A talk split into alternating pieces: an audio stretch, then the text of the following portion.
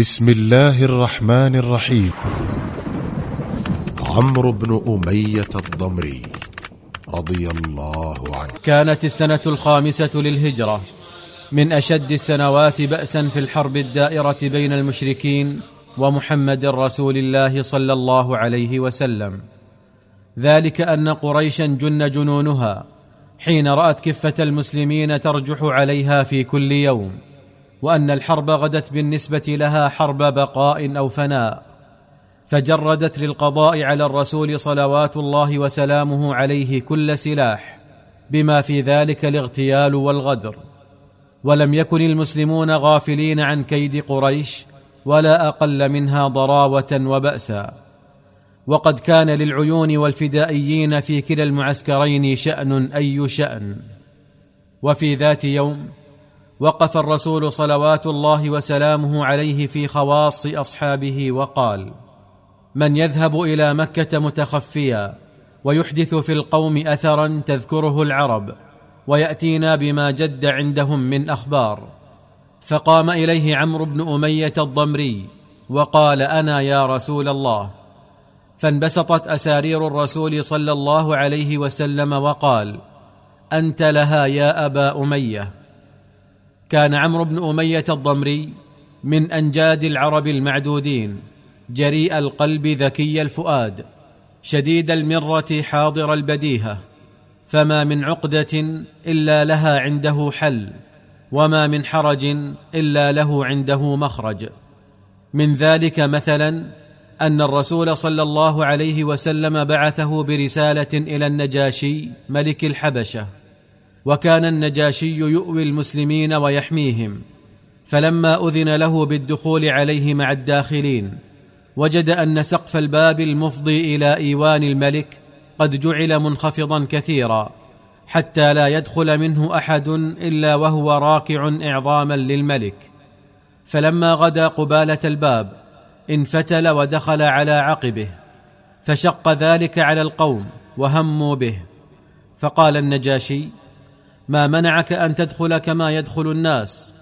فقال لأننا معشر المسلمين قد نهينا عن أن نركع لغير الله فقبل اعتذاره.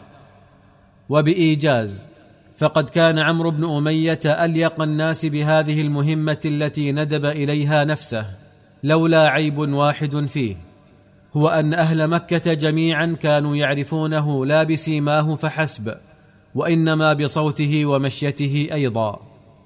أمد الرسول صلوات الله وسلامه عليه عمرا برجل من الأنصار فمضى هو وصاحبه قاصدين معاقل الشرك في مكة وجعلا يواصلان السير في الليل ويكمنان في النهار خشية أن تراهما عين من عيون قريش.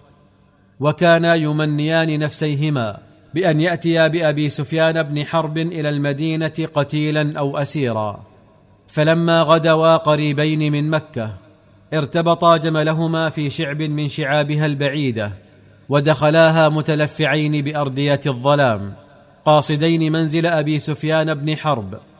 فقال الأنصاري لعمرو يا أبا أمية ليتنا نطوف بالبيت ونصلي ركعتين ثم نمضي لشأننا فقد يكون هذا آخر العهد بالبيت. فقال له عمرو إن من عادة قريش إذا تعشوا أن يجلسوا في أفنية بيوتهم وأكثرها مطل على الكعبة والقوم في حالة حرب وهم متيقظون لكل طارق. فقال له الأنصاري متوسلا عزمت عليك أن تفعل ولن يصيبنا شر إن شاء الله. فلان له عمرو ومضيا إلى البيت فطافا به سبعا وصليا ركعتين في الحجر. ثم خرجا لشأنهما الذي قدما من أجله. قال عمرو فما إن أتممنا ركعتينا حتى رأيت رجلا يحدق بي في العتمة. فلما عرفني قال عمرو بن أمية والله ما قدم مكة إلا لشر وأطلق صوته يستصرخ الناس. فقلت لصاحبي النجاء النجاء فإن القوم قد نذروا بنا. وإنهم والله إن يظفروا بنا يجعلوا خشبتي صلبنا إلى جانب خشبة خبيب. ومضينا مصعدين في الجبل فإذا القوم قد خرجوا في طلبنا مسرعين. وكنت أعرف الناس بشعاب مكة فما زلنا نخرج من شعب وندخل في آخر حتى أضاعونا ويئسوا منا وعادوا أدراجهم. دخلت أنا وصاحبي كهفا في ذروة الجبل وبتنا فيه ليلتنا تلك. فلما أصبحنا رأينا قريبا من الكهف رجلا يرعى حصانا له. فلزمنا مكاننا وسكنا عن الحركة لكي لا يشعر بنا. لكنه ما لبث أن أقبل على الكهف وهم بدخوله. فقلت في نفسي إن هو رآنا صاح بأعلى صوته مؤذنا قريشا بمكاننا وكان معي خنجر. فوثبت عليه وأغمدته في ثديه فصاح صيحة رددت صداها الشعاب فغدت صيحات فما هو إلا قليل حتى رأيت الناس يزحفون نحو مصدر الصوت فعدت إلى مكاني في الكهف وسكنت إلى جانب صاحبي فلما أدركوا صاحبهم وجدوه في آخر رمق فقالوا له من ضربك؟ فقال عمرو بن أمية فقالوا أين هو؟ فعاجله الموت قبل أن يدلهم علينا. وعلى الرغم من أننا كنا قاب قوسين منهم أو أقل نسمع ما يقولون ونبصر ما يصنعون. فإنه لم يخطر لأي منهم أن يلج علينا الكهف وإنما انطلقوا يبحثون عنا وراء ذلك. فلما لم يقفوا لنا على أثر احتملوا صاحبهم ومضوا به إلى مكة. لبثت أنا وصاحبي في الكهف سحابة ذلك النهار فلما جن علينا الليل قلت له النجاء النجاء فإن عيون القوم تنفض الأرض نفضا بحثا عنا.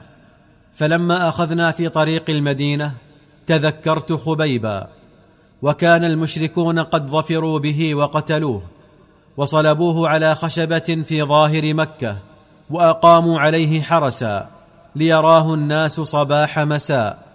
فقلت والله لأنتزعنه منهم ولأوارينه. فجعلنا طريقنا على المكان الذي أقيم فيه.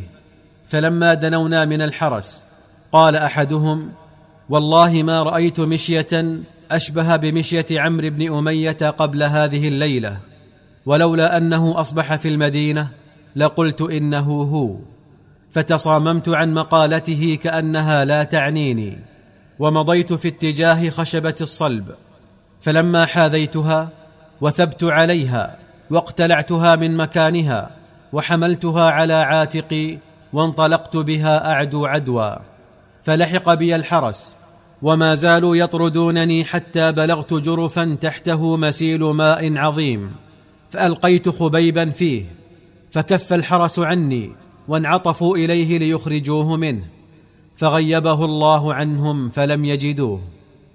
ثم مضيت أنا وصاحبي حتى أوينا إلى غار في جبل صحنان فبينما نحن فيه إذ دخل علينا كهل أعور فسلم ثم التفت إلي وقال ممن الرجل؟ فقلت من بني بكر. فممن أنت؟ قال من بني بكر أيضا. فقلت مرحبا. ثم إنه ما لبث أن اضطجع ورفع صوته بالغناء فقال ولست بمسلم ما دمت حيا ولا دان لدين المسلمين. فقلت له في نفسي ستعلم. ثم أمهلته.